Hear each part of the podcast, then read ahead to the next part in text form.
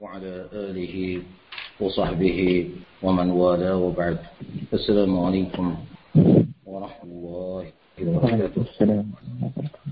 آه كتاب آه القوانين الفقهية. للإمام للإمام أبي القاسم محمد بن أحمد بن الجزي المالكي. وهو رحمه الله تعالى من علماء القرن الثامن الهجري. رحمة الله عليه. لقد تميز هذا الإمام بمؤلفاته الفدة حيث إنه يلجأ في أغلب مؤلفاته إلى الاختصار غير المخل وهذا ماثل أمام كل من نظر في كتابه للتفسير في معاني التنزيل حيث إنه رحمه الله جاء في هذا الكتاب الذي هو عبارة عن مجلد لطيف لجل أقوال المفسرين متجنبا في ذلك الإطالة الممل ومتجافيا للاختصار المخل. فبات كتابه ذاك وحيدا من نوعه متميزا عن غيره من أشياعه من أسير وهكذا صنع في كتابه القوانين الفقهية الذي نحن بصدد شرحه. هذا وقد سبق أن قمت بشرح هذا الكتاب لنخبة من طلبة العلم. فأفاد الله عز وجل لذلك الشرح إفادة. هذا وقد طلب نخبة من طلبة العلم أن أقوم بإعادة شرح هذا الكتاب لهم. عل الله أن ينفعهم بما يسمعون من شرحه. عل الله أن يفتح عليهم كذلك في الفقه في الدين من خلال ما يسمعونه في هذا الكتاب. وبما أن كتاب القوانين الفقهية كتاب يتناول الفقه بالبيان والتفصيل والتوضيح فإننا نحتاج قبل الخوض في غمار مضمار هذا الكتاب من حيث اللغة ومن حيث الاصطلاح. فالفقه في اللغة العربية معناه الفهم. وقد جاء عن قوم شعيب عليه السلام أنهم قالوا لشعيب يا شعيب لا نفقه كثيرا مما تقول. أي لا نفهم. أكان المفهوم دقيقا أو جليلا فكل فهم يقال له فقه. أما في الاصطلاح عند الفقهاء فالفقه معناه معرفة الأحكام الشرعية العملية المستنبطة من أدلتها التفصيلية. والمراد بقولهم معرفة هو الإدراك. واستعمل استعملت المعرفة بدلا من العلم ليشمل الفقه الظن واليقين معا. وقد تقرر أن أغلب الفقه ظن من باب الظن. وذلك لأن الأدلة التي يتم استنباط الأحكام منها أدلة ظنية أي من حيث دلالتها. قد تكون الأدلة من حيث ثبوتها قطعية كالآيات القرآنية وكالأحاديث المتواترة. عن النبي صلى الله عليه وآله وسلم فالأدلة التي بهذه المثابة تكون متواترة من حيث الثبوت وكون الدليل متواترا من حيث الثبوت لا يلزم منه أن يكون قطعيا من حيث الدلالة لأنه قد يكون قطعي الثبوت كالمتواتر ويكون ظني الدلالة وهذا شأن أغلب الأدلة وذلك لأن الفقيه وهو يستدل بما يستدل به من الأدلة من الوحيين. قد يكون ذلك الدليل عاما والعام يحتمل التخصيص. وقد يكون ذلك الدليل مطلقا والمطلق يحتمل التقييد. وقد يكون ذلك الدليل مجملا وهو يحتمل التفصيل. وقد يكون فيه شيء من الإجمال والإجمال يحتاج إلى البيان. ولما يقف الفقيه إلى البيان بعد حتى حكم بالمجمل وهكذا. ولذلك يقول علماؤنا إن الفقه ظني. وهذا خرج مخرج الغالب. لا يدل هذا على أنه لا يوجد في الفقه ما هو يقين. إلا أن نسبة ما هو يقين في الفقه آه، نسبة ضئيلة مقارنة بما هو ظني منه. فلذلك لجأ العلماء إلى تعريف الفقه بالمعرفة ليشمل الفقه الظن واليقين معا. معرفة الأحكام الأحكام جمع حكم والحكم في اللغة العربية يأتي بمعنى المنع. وأما في الاصطلاح العام الحكم هو نسبة أمر لأمر إثباتا أو نفيا. وبعبارة أخرى يقولون إثبات أمر لأمر أو نفيه عنه. كقولك زيد قائم هذا حكم. وذلك لأنك نسبت القيام ما قام زيد هذا حكم. وذلك لنفيك القيام عنه. هذا من حيث الاصطلاح العام يقال له حكم. قد يكون في الشريعة الإسلامية حكما تكليفيا أو حكما وضعيا أو حكما شرعيا. يعرفونه في الشريعة لأنه خطاب الله عز وجل المتعلق بأفعال المكلفين اقتضاء أو تخييرا أو وضعا. فهذا التعريف هو التعريف للحكم الشرعي. ولو ولو اختصرنا على قولنا خطاب الله تعالى المتعلق بأفعال المكلفين اقتضاء. فبإضافة الوضع نكون قد عرفنا الحكم التكليفي والحكم الوضعي والحكم الشرعي. كيف يكون تعريف الحكم الوضعي؟ نقول هو خطاب الله تعالى المتعلق بأفعال المكلفين بالوضع. أم ما أم متى ما رأيتم هذه العلامة فثم حكم الله. أم متى ما رأيتم هذه العلامة فثم حكم الله. فهذه الأحكام الثلاثة هي الأحكام في هي الأحكام في الاستعمال الشرعي. الحكم التكليفي والحكم الوضعي والحكم الشرعي. الاقتضاء قد يكون تركا أو أمرا. خطاب الله تعالى الذي يتعلق بأفعال المكلفين بالاقتضاء قد يكون هذا الاقتضاء اقتضاء فعل أو اقتضاء ترك. إذا كان الاقتضاء اقتضاء فعل هذا الاقتضاء قد يكون على سبيل الإلزام والذي يكون على غير وجه الإلزام هو المندوب. واقتضاء الترك قد يكون على سبيل الجزم هذا هو التحريم. واقتضاء الترك إذا كان على التخيير فهذا تعريف للحكم التكليفي. إذا فالأحكام التكليفية هذه يرد ذكرها من فينة لأخرى من باب لباب في علم الفقه. لأن الفقيه وهو يتناول الفقه بالحديث حكم الله عز وجل. فهو يلجأ إلى أن يصف كل مسألة بما يليق بها من حكم. فتارة يقول هذا واجب وأخرى يقول مندوب. وهذا حكمه حرام وهذا حكمه مندوب وأذاك حكمه الإباحة وهكذا. كذلك الفقيه بحاجة إلى أن يتطرق إلى معرفة الأحكام الوضعية. ما رأيتم هذه العلامة فحكم الله كان ذلك كالشرط وذلك كالسبب وذلك كالمانع وكذلك الرخصة والعزيمة وغير ذلك من الأحكام الوضعية. فقالوا في الفقه هو معرفة الأحكام الشرعية. قولهم الشرعية قيد احترزوا به عن الأحكام الأخرى غير الشرعية كالأحكام العرفية. فالأحكام العرفية فيما تعارف الناس عليه في حياتهم اليومية هذه الأحكام لا يقال لها شرعية.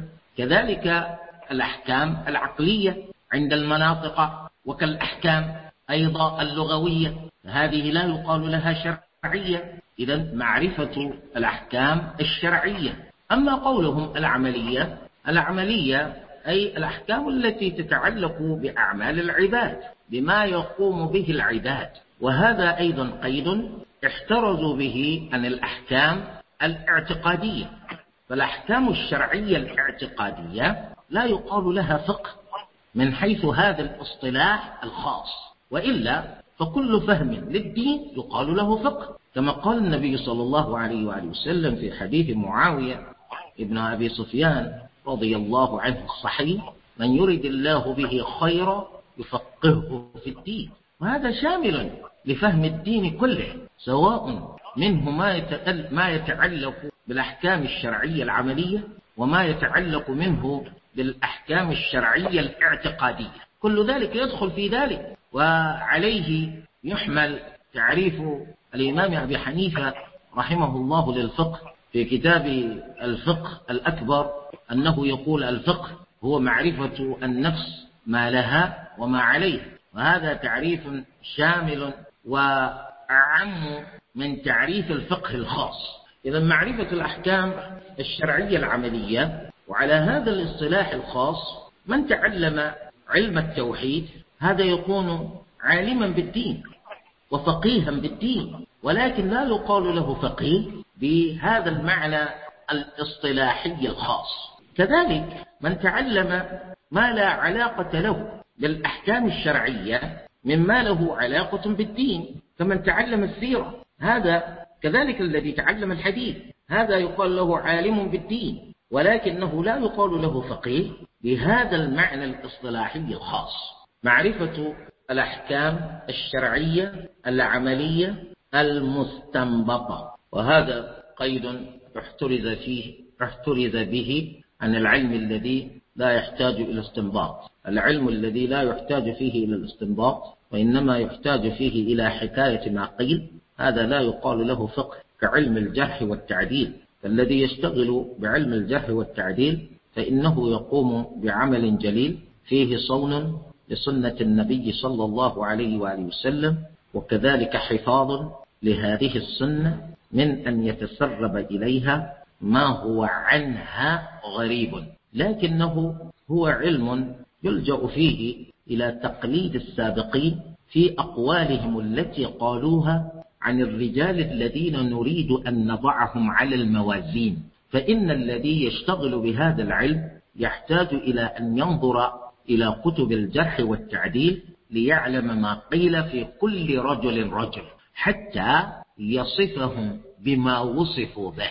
هذا لا يحتاج منه إلى أن يستنبط شيئا. بخلاف الفقه فإن الفقه يحتاج فيه إلى الاستنباط. ولذلك عرف إمام الحرمين الجويني الفقه بأنه معرفة الأحكام الشرعية التي طريقها الاجتهاد. معرفة الأحكام الشرعية التي طريقها الاجتهاد. فالفقيه يحتاج إلى اجتهاد أيا كان ذلك القدر من الاجتهاد. لأن الفقه ليس يتعلق بأن تقرأ كتابا للفقه. ثم تحكي ما في ذلك الكتاب. إما باللغة التي كتب الكتاب بها كاللغة العربية أو تحكي ما كتب في الكتاب باللغة التي كتب الكتاب بها آه، كاللغات الأخرى غير العربية غير العربية. فأنت بحكايتك بما قيل في ذلك الكتاب فإنك تقوم بدور القارئ أو بدور من يسمع غيره ما قيل في هذا الكتاب. أو تقرأ الكتاب باللغة العربية وأنت تقوم بترجمته إلى الناس بلغتهم. فهذا نقول أنت تقوم بدور المترجم. وإلا الفقيه يحتاج إلى الاجتهاد. أيا كان ذلك القدر من الاجتهاد. لذلك الإمام الحرمين يقول الفقه هو معرفة الأحكام الشرعية التي طريقها الاجتهاد. قالوا المستنبطة من أدلتها التفصيلية. الأدلة جمع دليل والدليل آه، يعرف بأنه ما يتوصل بصحيح النظر فيه إلى مطلوب خبري. تعالى أقيموا الصلاة. هذا الدليل ثابت في القرآن. ربنا يقول وأقيموا الصلاة.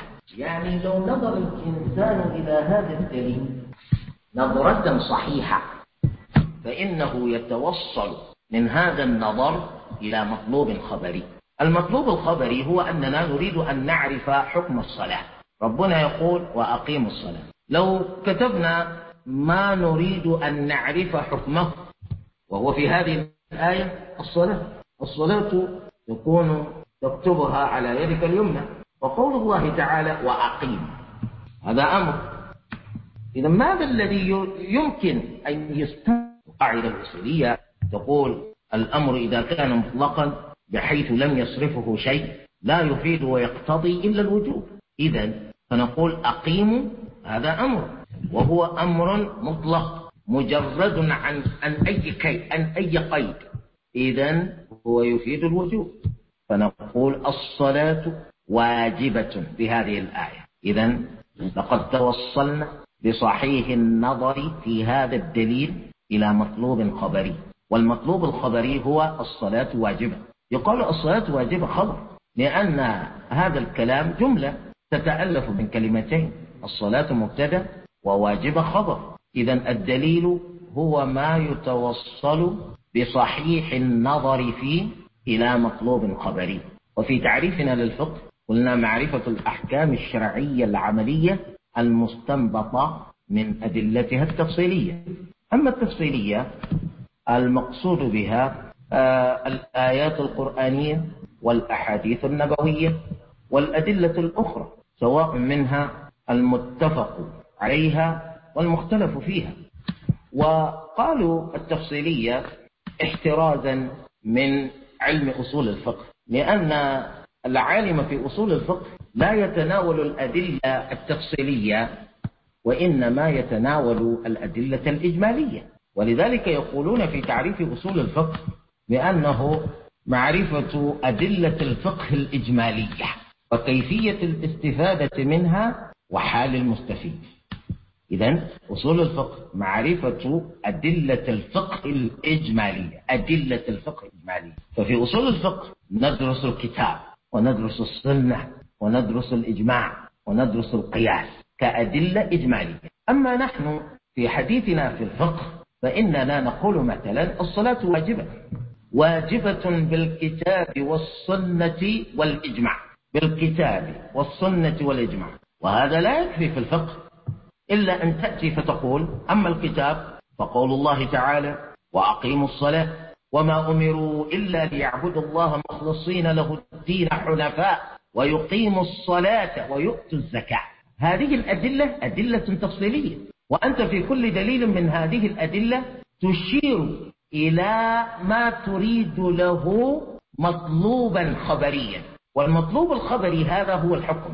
كذلك أنت تقول أما السنة فما ثبت عن النبي صلى الله عليه وآله وسلم في أحاديث منها عبد الله بن عمر رضي الله عنهما أن النبي صلى الله عليه وآله وسلم يقول بني الإسلام على خمس وذكر منها النبي صلى الله عليه وآله وسلم الصلاة فأنت قد ذكرت دليلا تفصيليا. كذلك تقول أما الإجماع فقد أجمعت الأمة فقد أجمع علماء الأمة على أن الصلاة واجبة. فهذه هي الأدلة علوم الشريعة. طير فإنما يناجي ربه. وكل من أراد أن يناجي ربه يحتاج إلى تأهب. ومن أكبر ما يتأهب الإنسان به لمناجاة ربه الطهارة. فلذلك يبدأون بباب الطهارة من باب ما لا يتم الواجب ما لا يتم الواجب إلا به فهو واجب. كذلك الطهارة مما أمر, أمر الشارع به وحث عليه المسلم. الطهارة في اللغة العربية بفتح الطاء معناها النزاهة النزاهة عن الأقدار وأما في الشرع فهي ارتفاع ما يمنع الصلاة من الحدث والنجس. ارتفاع ما يمنع الصلاة من الحدث والنجس. فهذا التعريف يستشف منه أن من أراد أن يناجي ربه بالصلاة يحتاج إلى فعل الطهارة يحتاج إلى فعل الطهارة بنوعيها طهارة من الحدث وطهارة من الخبث.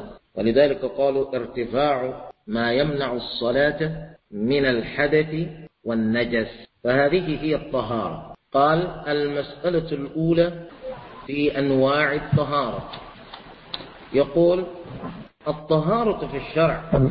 القسم يقول المصنف رحمه الله تعالى إلى معنوية الأول من القوانين الفقهية في معنوية وحسية. الكتب. فالمعنوية هو آه فالمعنوية هي ما تحقيقها بالقلب. تحقيقها بالقلب أي لا تحس. تحقيقها بالقلب لا تحس. كطهارة الجوارح والقلب من دنس الذنوب. أي تطهير القلب وتطهير البدن من الكفريات والشركيات والبدعيات والخزعبلات والخرافات. هذا طهارة معنوية. كل إنسان يحتاج إلى هذا. أنت بحاجة إلى أن تطهر قلبك وبدنك من الشرك والكفر والبدع والفجور والفسوق وكذلك من اقتراف المنكرات.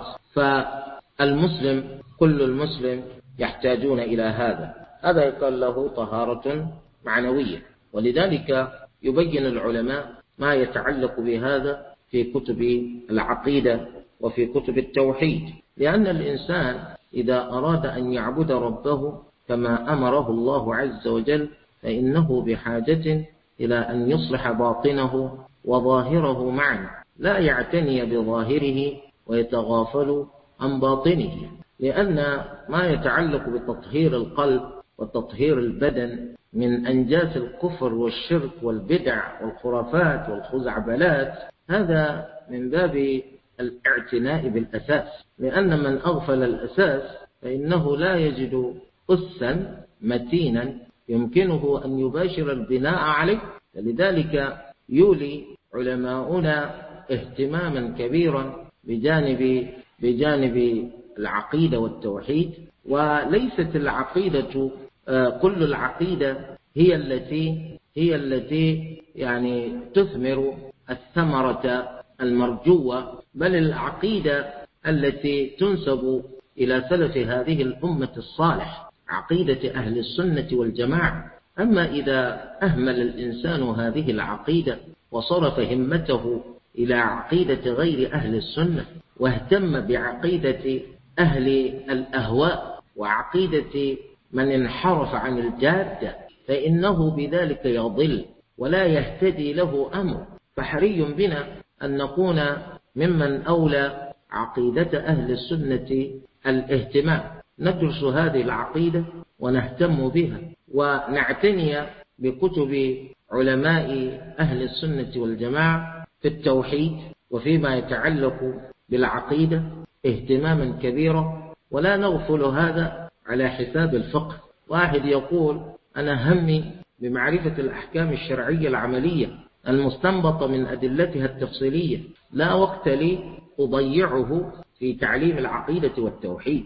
يا أخي أنت وأنت تدرس العقيدة عقيدة أهل السنة والجماعة أنت وأنت تدرس التوحيد الصحيح لا تضيع وقتك.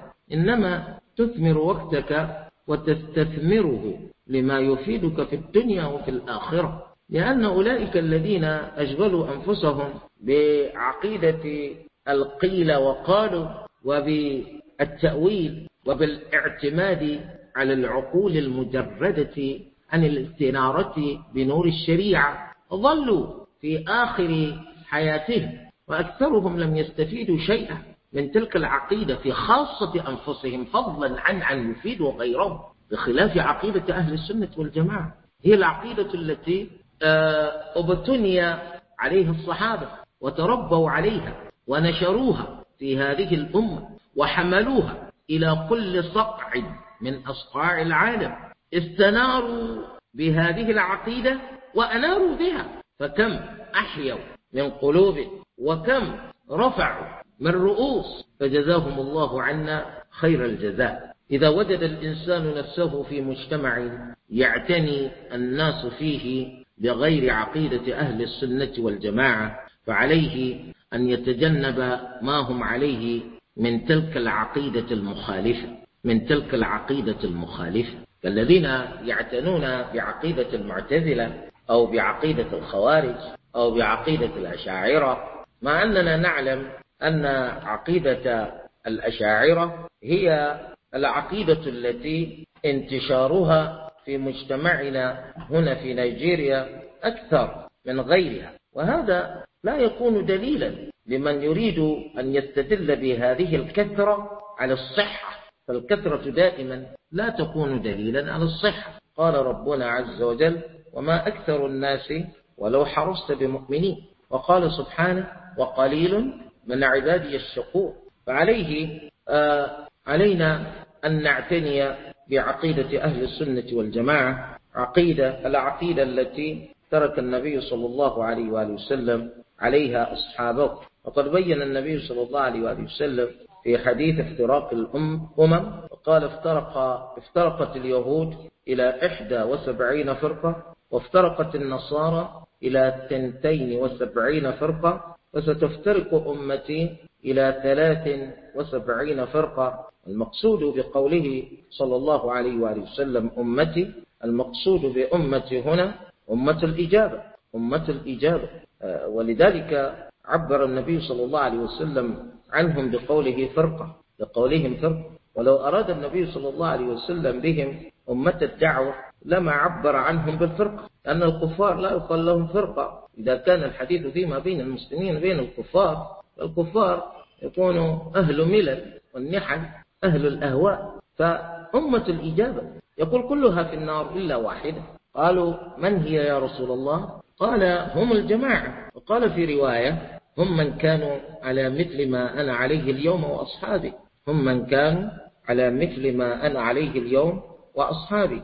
فلذلك ينبغي للمسلم أن يعتني بهذه العقيدة وأن يهتم بدراسة توحيد أهل السنة التوحيد عند أهل السنة والجماعة يفهم هذا العلم ويطبقه في نفسه ويعمل على نشره بدعوة غيره إليه. وفقني الله وإياكم لما فيه الخير في الدنيا وفي الآخرة. قال والحسية أي الطهارة الحسية فالطهارة الحسية هي الطهارة الفقهية أي الطهارة الحسية هي الطهارة الفقهية وهي الطهارة التي يتناولها الفقهاء بالحديث هي التي يتناولها الفقهاء للحديث لأنها الطهارة التي تراد للصلاة. وهذه الطهارة الحسية على نوعين طهارة حدث وطهارة خبث. أما الحدث فهي آه، النجاسة الحكمية المانعة من الصلاة وغيرها كالطواف ومس المصحف. الحدث هو النجاسة الحكمية التي تمنع من الصلاة وتمنع من غير الصلاة كالطواف كما تمنع من مس المصحف. أي من كان الحدث قائما به لم يجز له أن يصلي. ومن كان الحدث قائما به لم يطف ومن كان الحدث قائما به لم يمس القرآن. وغير ذلك مما يشترط له طهارة من الحدث. وأما الطهارة الثانية فهي طهارة خبث. والخبث هي النجاسة المادية. النجاسة المادية. أي النجاسة التي يمكن للإنسان أن يراها ويلمسها. أي هي مادة تشغل حيزا من الفراغ كالبول والغائط والمدي والودي. هذا يقال له خبث. أما الحدث فقد يتحقق هذا يعني إذا كان الحدث قائما بالإنسان فإنه يقال أنت مثلا أنت لست على وضوء أنت جنب أنت حائض أنت نفساء آه. هذا يقال يقوم به الحدث. أما الإنسان الذي البول على بدنه البول على ثوبه البول في المكان الذي يريد أن يصلي فيه نقول أنت بك خبر أنت بك خبر. وربنا عز وجل قد أشار إلى هذا أشار إلى ما يتحقق به الطهارة من الحدث. بقوله عز وجل وإن كنتم جنبا فاطهروا. وإن كنتم جنبا فاطهروا. إذا من كانت الجنابة قائمة به فهو به حدث. كذلك هذا الإنسان الذي أحدث بمعنى خرجت الريح منه بعد الوضوء نقول به حدث. لا تصلي حتى تتوضأ. لأن الله عز وجل يقول يا أيها الذين آمنوا إذا قمتم إلى الصلاة فاغسلوا. والنبي صلى الله عليه وسلم يقول لا يقبل الله صلاة أحدكم إذا أحدث حتى يتوضأ. وقال ربنا ويسألونك عن المحيض قل هو أذى فاعتزلوا النساء في المحيض ولا تقربوهن حتى يطهرن فإذا تطهرن فإذا تطهرن فأتوهن من حيث أمركم. إذا من بها حيض فبها حدث. أما الخبث تجدون أن الإسلام أمرنا بغسل النجاسة كلها من بول أو غائط أو مذي أو ودي وما شاكل ذلك وما شاكل ذلك. قال فطهارة الحدث إذا أراد الإنسان أن يتطهر من الحدث فالطهارة من الحدث ثلاث أي الطهارة من الحدث ثلاث طهارات كبرى وصغرى وبدل منهما. الطهارة من الحدث ثلاث طهارات طهارة كبرى طهارة صغرى وبدل منهما. يا ترى ما هي تلك الطهارة الكبرى؟ الطهارة الكبرى هي الغسل. الطهارة الكبرى هي الغسل. كما أي الغسل الشرعي من غسل جنابة وغسل الحي والنفاس وكذلك غسل الإسلام لمن أسلم. كذلك غسل الجنازة. هذه كلها طهارة من الحدث وهذه طهارة كبرى. وأما صغرى فهي الوضوء.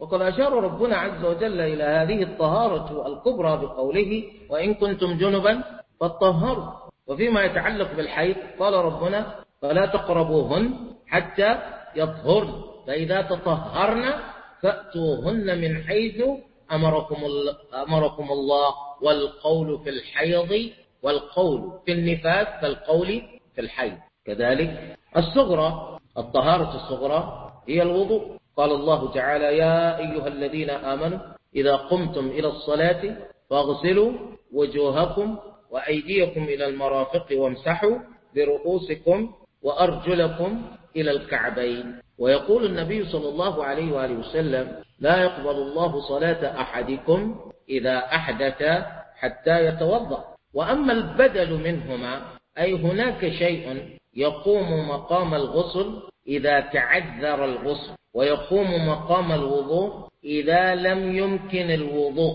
هذا الذي يقوم مقامهما ويكون بدلا منهما هو التيمم. كما قال الله تعالى فلم تجدوا ماء فتيمموا صعيدا طيبا. إذا الطهارة من الحدث ثلاث طهارات كبرى صغرى وبدل منهما. فالكبرى هي الغسل والغسل هذا يندرج تحته أنواع كغسل الجنابة وغسل الحيض والنفاس وغسل الإسلام وغسل الجنازة. كذلك يدخل ولا يدخل هل يدخل في ذلك غسل الجمعة وغسل العيد؟ هل يدخل في ذلك؟ لأننا الآن نتكلم عن الطهارة من الحدث. الطهارة من الحدث. وقلنا الحدث الحدث هو النجاسة الحكمية الحكمية المانعة من الصلاة أو الطواف أو مس المصحف وما شاكل ذلك. هل يدخل في هذا المثال غسل الجمعة؟ لأننا نغتسل يوم الجمعة لا لرفع الحدث. نغتسل يوم الجمعة لا لرفع الحدث. ولذلك من أتى إلى الجمعة ولم يغتسل الجمعة فإنه لا يؤنب عليه ولا يعاتب. ولذلك لما تأخر عثمان يوما عن الجمعة وقد باشر عمر بن الخطاب رضي الله عنه الخطب فدخل عثمان فسأله لما تأخرت فبدأ يذكر عذره وكذا يقول ثم توضعت الوضوء كمان ما اغتسل لكن مع ذلك ما قال له أخرج. إذا نغتسل للجمعة لا لرفع الحدث. إذا لماذا نغتسل للجمعة؟ قلنا لا يصلح ذكر غسل الجمعة مثالا في هذا المجال. لماذا؟ لأن الحديث هنا عن الطهارة من الحدث ولكننا في غسل الجمعة لا نقوم به رفعا للحدث. إذا لماذا نقوم؟ نعم. من باب الندب. نعبر عنه بطريقة أخرى. لماذا نغتسل للجمعة؟ نغتسل للجمعة امتثالا لأمر النبي صلى الله عليه وآله وسلم. إذا ولماذا نغتسل أيضا للعيد؟ هل يدخل في هذا كمثال؟ هل يدخل في هذا كمثال؟ لا يدخل فيه كمثال. لماذا؟ لأننا نغتسل للعيد لا لا لرفع الحدث كذلك أما الوضوء فإنه يدخل في ذلك. لأن الإنسان إذا توضأ فإنه بوضوئه إنما يرفع عنه الحدث إنما يرفع عنه الحدث لكن يا ترى في عادة الناس في بعض البلدان أنهم إذا تزوجوا امرأة فصارت بذلك زوجة فإنها لا تدخل إلى بيت زوجها يوم الزفاف أو بعده إلا بوضوء فإنها تستوقف عند مدخل الدار ويطلب إليها الوضوء فتتوضأ وضوءا شرعيا تتوضأ وضوءا شرعيا فهذا الوضوء الذي تتوضأه المرأة إيذانا بدخولها إلى بيت زوجها هذا الوضوء هل يصلح مثالا؟ هل يصلح مثالا لوضوء أتى به صاحبه أتى به صاحبه لرفع الحدث؟ لا يصلح مثالا لا ندري من أين جئتم بهذا. من الذي قال لك يعني المرأة إذا تزوجها الرجل فإنها لا تدخل بيته إلا بوضوء؟ أهي تريد أن تصلي؟ لا تريد أن تصلي. يعني هذا من الخرافات. فلذلك لو أرادت المرأة أن تصلي بمثل هذا الوضوء أيجوز لها أن تصلي بمثل هذا الوضوء؟ لو أرادت المرأة أن تصلي بالوضوء العادي بالوضوء العرفي الزائد الذي لا قيمة له. هل تتوضأ بمثل هذا الوضوء؟ هل تصلي بمثل هذا الوضوء؟ أو إنسان بنى بيتا جديدا اشترى سيارة جديدة وقيل له لا تدخلن بيتك هذا إلا بوضوء لا, لا تركبن سيارتك هذه كالمرة الأولى إلا بوضوء. فتوضأ من أجل أن يدخل بيته الجديد. وتوضأ من أجل أن يركب سيارته الجديدة للمرة الأولى. هل نقول هذا الوضوء يصلح لأن يصلي به؟ لا يصلح. ولذلك يقول الفقهاء قاعدة كل وضوء جيء به. لما الوضوء شرط له؟ صحة الصلاة به. وكل وضوء جيء به. لما ليس الوضوء شرطا له لم تصح الصلاة به. فهمتم هذا؟ يعني إذا توضأ الإنسان لشيء الوضوء شرط لصحة ذلك. من توضأ لمثله لم يجوز له أن يصلي بمثل ذلك الوضوء. وقال وبدل منهما وهو التيمم.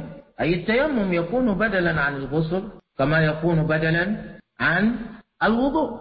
وقد تحدثنا عن الغسل من الحدث. وذكرنا الأمثلة التي يمكن أن تندرج تحت ذلك الغسل قلنا كغسل الجنابة وكغسل الحيض وكغسل النفاس وكغسل الإسلام وك وك يعني هذه الغسلات. إذا كان الإنسان به جناب ولما يجد الماء هل يجوز له أن يتيمم؟ نعم لأن التيمم يقوم بدلا عن الغسل يقوم بدلا عن الغسل كذلك عليها حيض وانقطع فأرادت أن تغتسل ولما تجد الماء. أيجوز لها أن تتيمم؟ نعم تتيمم لتصلي. لكن علما لأنهم بعد الصلاة كل قضاء لأنها قد صلت كما أمرها الله على قدر استطاعتها إذا كانت حائض إذا كانت حائضا أو كانت نفساء إذا تيممت فالتيمم هذا كاف.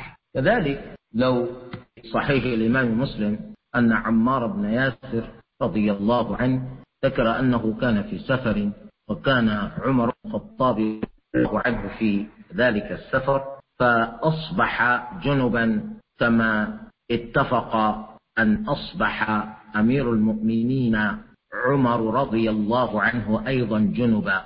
أما آه عمار لما لم يجد الماء ليغتسل به تمرغ في التراب كما تتمرغ الدابة. فلما رجعوا إلى النبي صلى الله عليه وسلم فأخبره عمار بما صنع فقال له النبي صلى الله عليه وآله وسلم إنما يكفيك أن تفعل بيديك هكذا فضرب النبي صلى الله عليه وسلم بيديه الأرض ثم مسح بهما وجهه ويديه إلى الرفغين ويديه إلى الرفغين فعلم بالكتاب والسنة أن التيمم أن التيمم مشروع. وأن التيمم يقوم مقام الغسل. وإذا قام التيمم مقام الغسل قام مقام الوضوء.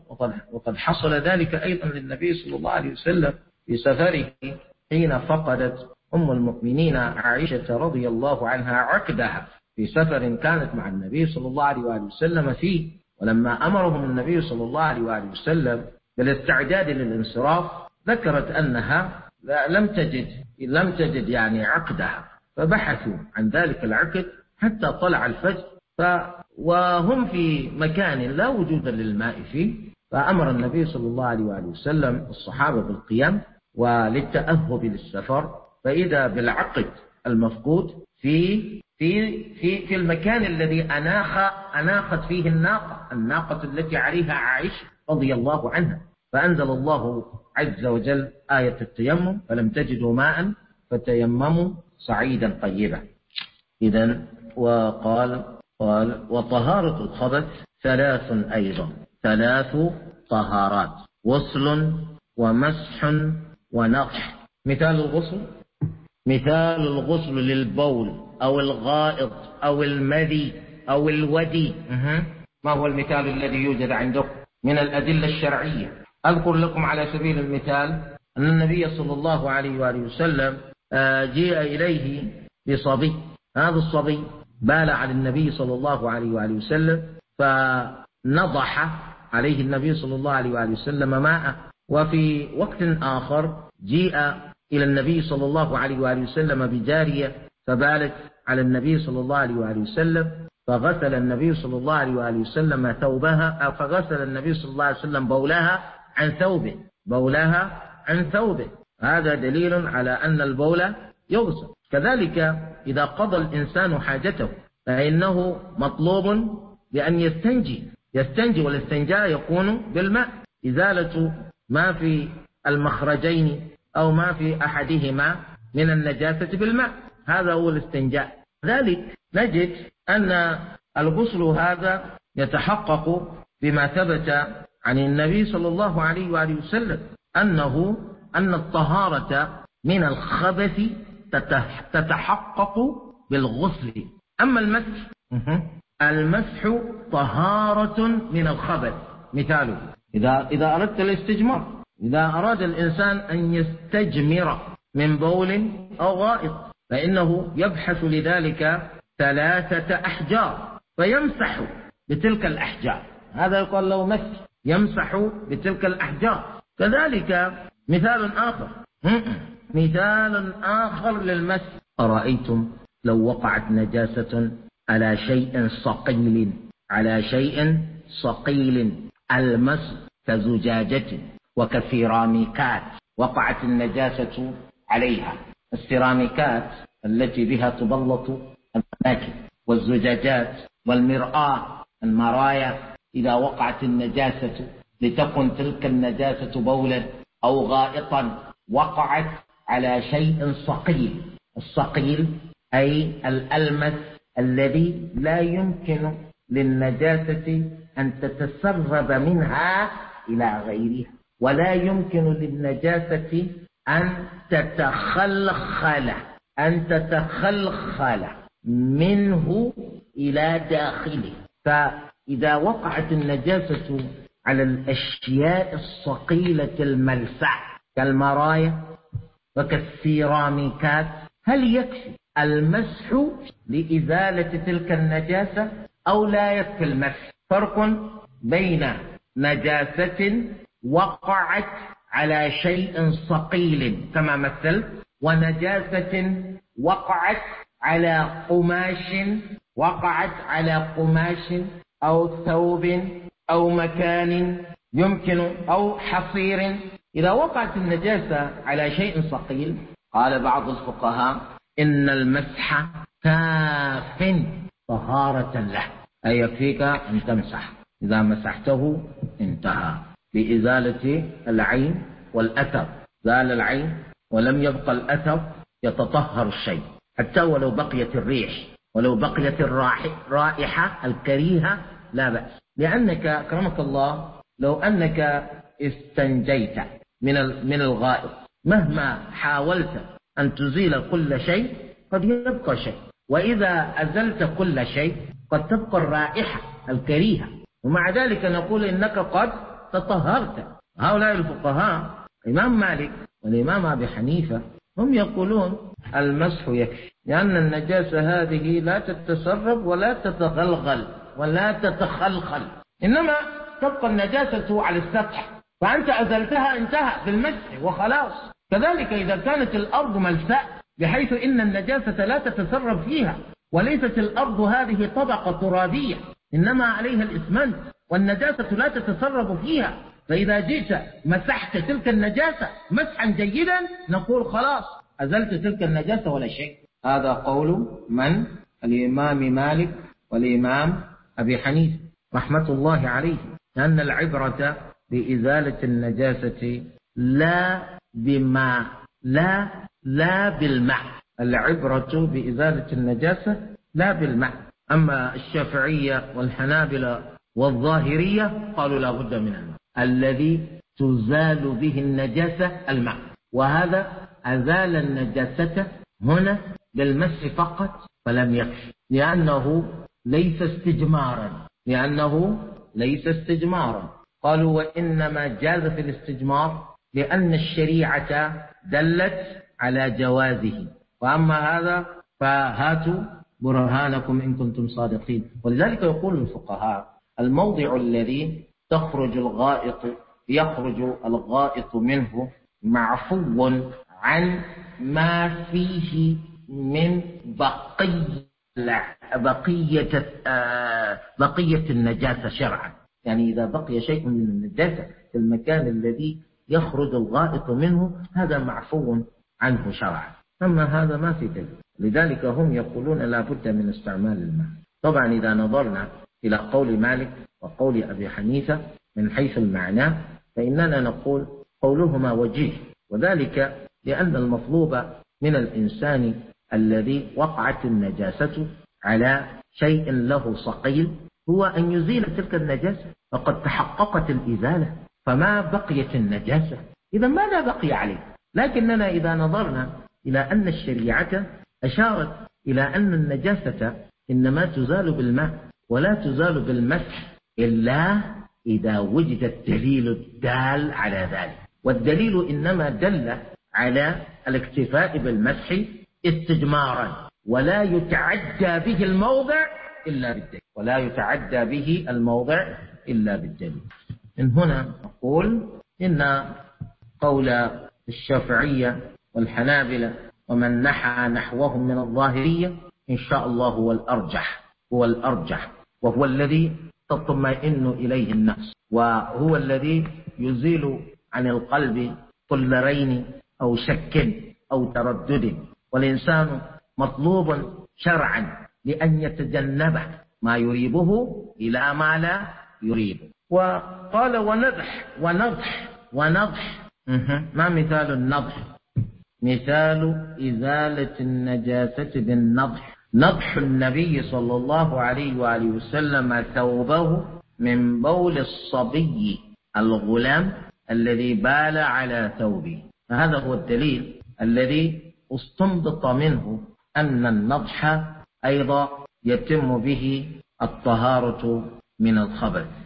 خلاصة ما سبق أن تناولناه, أن تناولناه اليوم في درسنا هو أننا ذكرنا تعريفا للفقه وبينا تعريفه من حيث الاصطلاح وتطرقنا إلى ذكر بعض التفاصيل وبعض محترزات ذلك التعريف. وبعد ذلك ذكرنا أن صاحب الكتاب آه، يتميز بأنه يلجأ في مؤلفاته إلى اختصار غير مخل ولذلك هو يبين أشياء كثيرة في صفحات معدودة.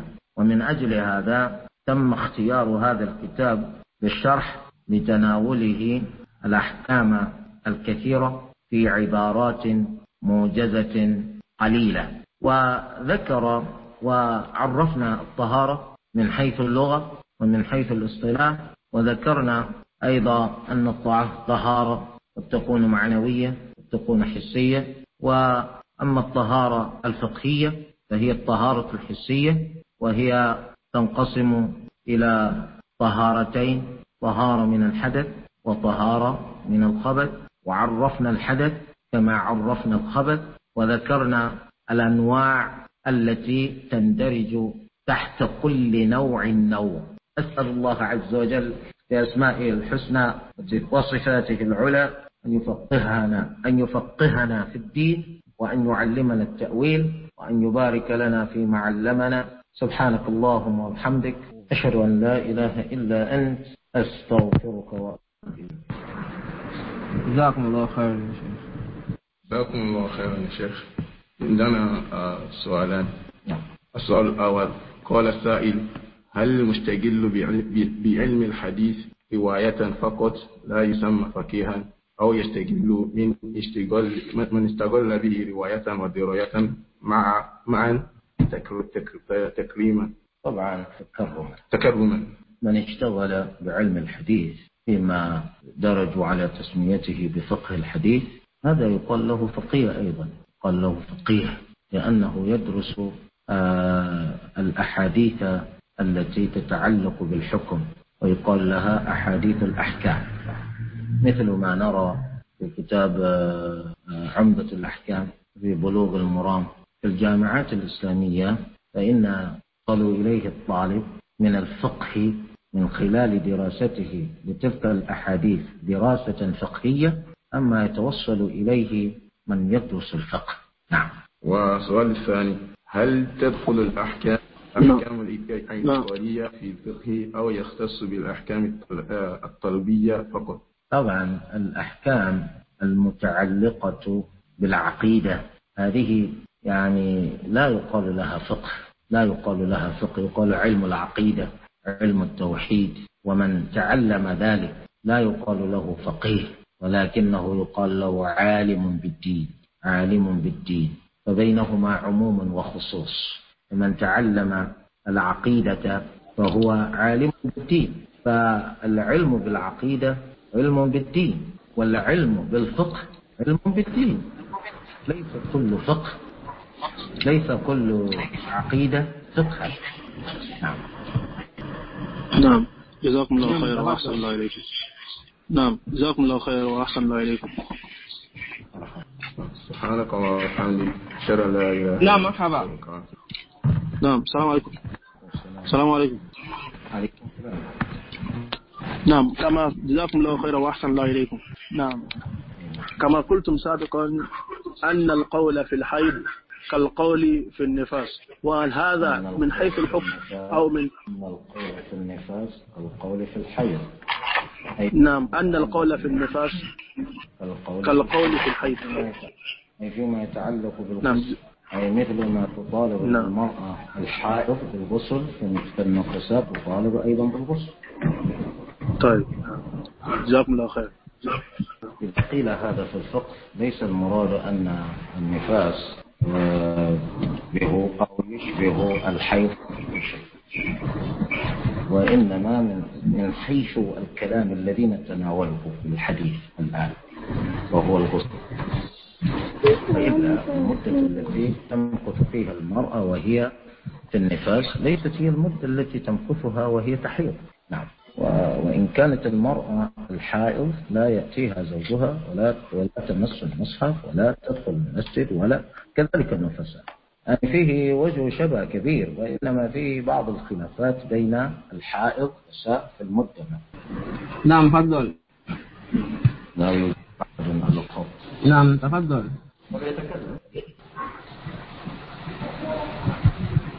نعم بسم الله. سبحانك ولا اللهم بل وبحمدك أشهد أن لا إله إلا أنت أستغفرك وأتوب إليك.